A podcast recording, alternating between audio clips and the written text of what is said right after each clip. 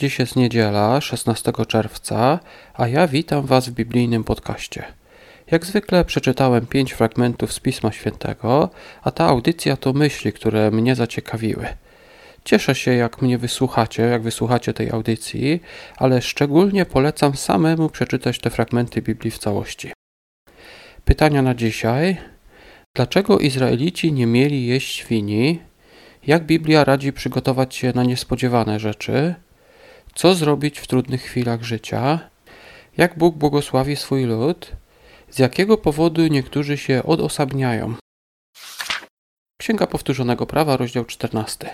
Zwierzęta czyste i nieczyste, a później także nakaz płacenia dziesięcin. Jednym z nieczystych zwierząt była świnia.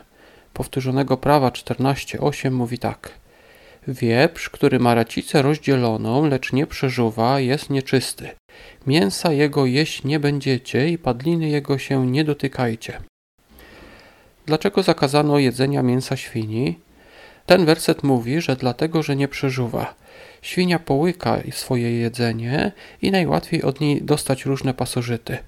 Na przykład włośnica to ciężka choroba pasożytnicza.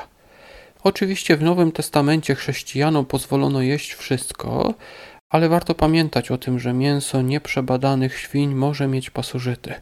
Dlatego dość niebezpieczne jest jeść na przykład mięso dzika, które, zostało, które nie było przebadane.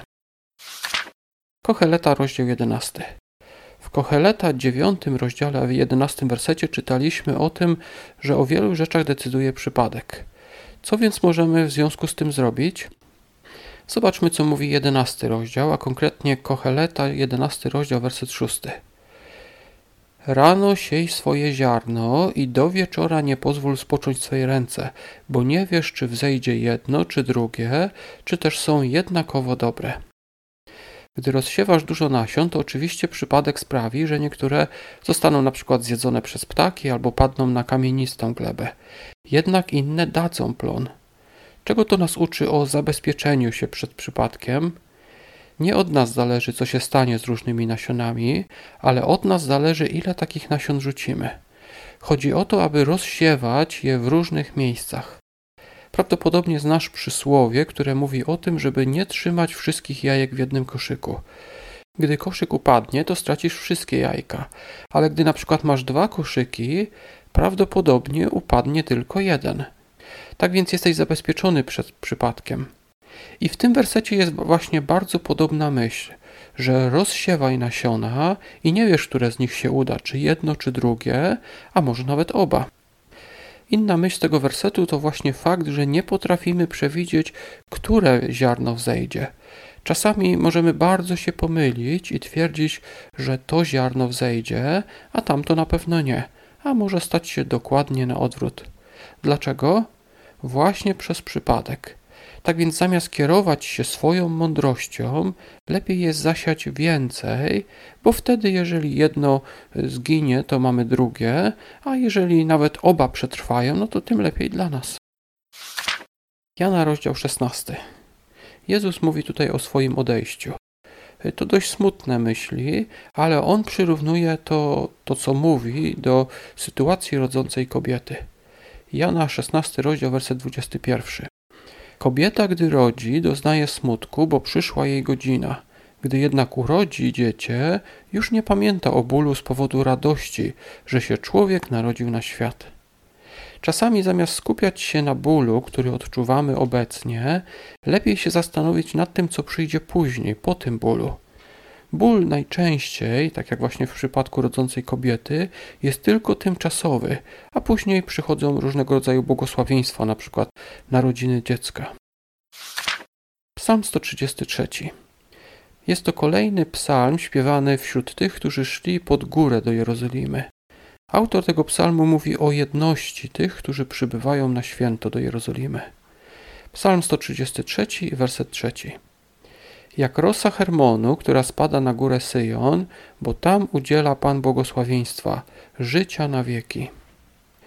Góra Hermon zbierała wilgoć, która później spadała na górę Syjon, sprawiając, że mimo, że nie było deszczu, roślinność miała wodę. Ta wilgoć właśnie z góry Hermon przychodziła na górę Syjon w postaci rosy. W tym psalmie nazwano to błogosławieństwem. I właśnie do tego psalmista przyrównał tutaj Boże błogosławieństwo, którym jest jedność wśród tych, którzy idą na święto. Księga Przysłów, 18 rozdział, wersety od 1 do 3. E, dlaczego potrzebujemy towarzystwa innych ludzi? Zobaczmy, co mówi Przysłów 18.1. Zarządzą idzie odludek i z każdą radą wojuje. Odludek idzie za swoją rządzą i wojuje, czyli nie słucha rady innych. Chodzi o kogoś, kto woli samotność niż spotkania z ludźmi, którzy go denerwują swoimi radami. W Biblii Warszawskiej tak oddano ten werset. Odludek szuka pozorów, aby móc sprzeciwić się wszelkiej słusznej radzie. Oczywiście samotność od czasu do czasu jest bardzo dobra, ale gdyby ktoś stale się odosobniał, to nie dojdzie do wiedzy, bo tylko spotkania z innymi ludźmi, szczególnie z tymi mądrzejszymi, którzy być może czasem nas irytują swoimi radami, tylko spotkania z takimi ludźmi mogą sprawić, że i my staniemy się mądrzejsi. Jednak ktoś może szukać pozorów, aby sprzeciwić się słusznej radzie. Taką wymówką może być na przykład fakt, że ci inni ludzie są nieuprzejmi. Czy jednak słuszna rada w ustach nieuprzejmego człowieka staje się złą radą? Ona być może nie jest przekazywana w dobry sposób, ale dalej jest słuszną radą. Co szczególnie warto zapamiętać dzisiejszej audycji? Rano siej swoje ziarno i do wieczora nie pozwól spocząć swej ręce, bo nie wiesz, czy wzejdzie jedno czy drugie, czy też są jednakowo dobre. Tak więc siej swoje nasienie, bo nie wiesz, które wzejdzie. Im więcej rozsiejesz, im więcej rozsiejesz, tym więcej zbierzesz.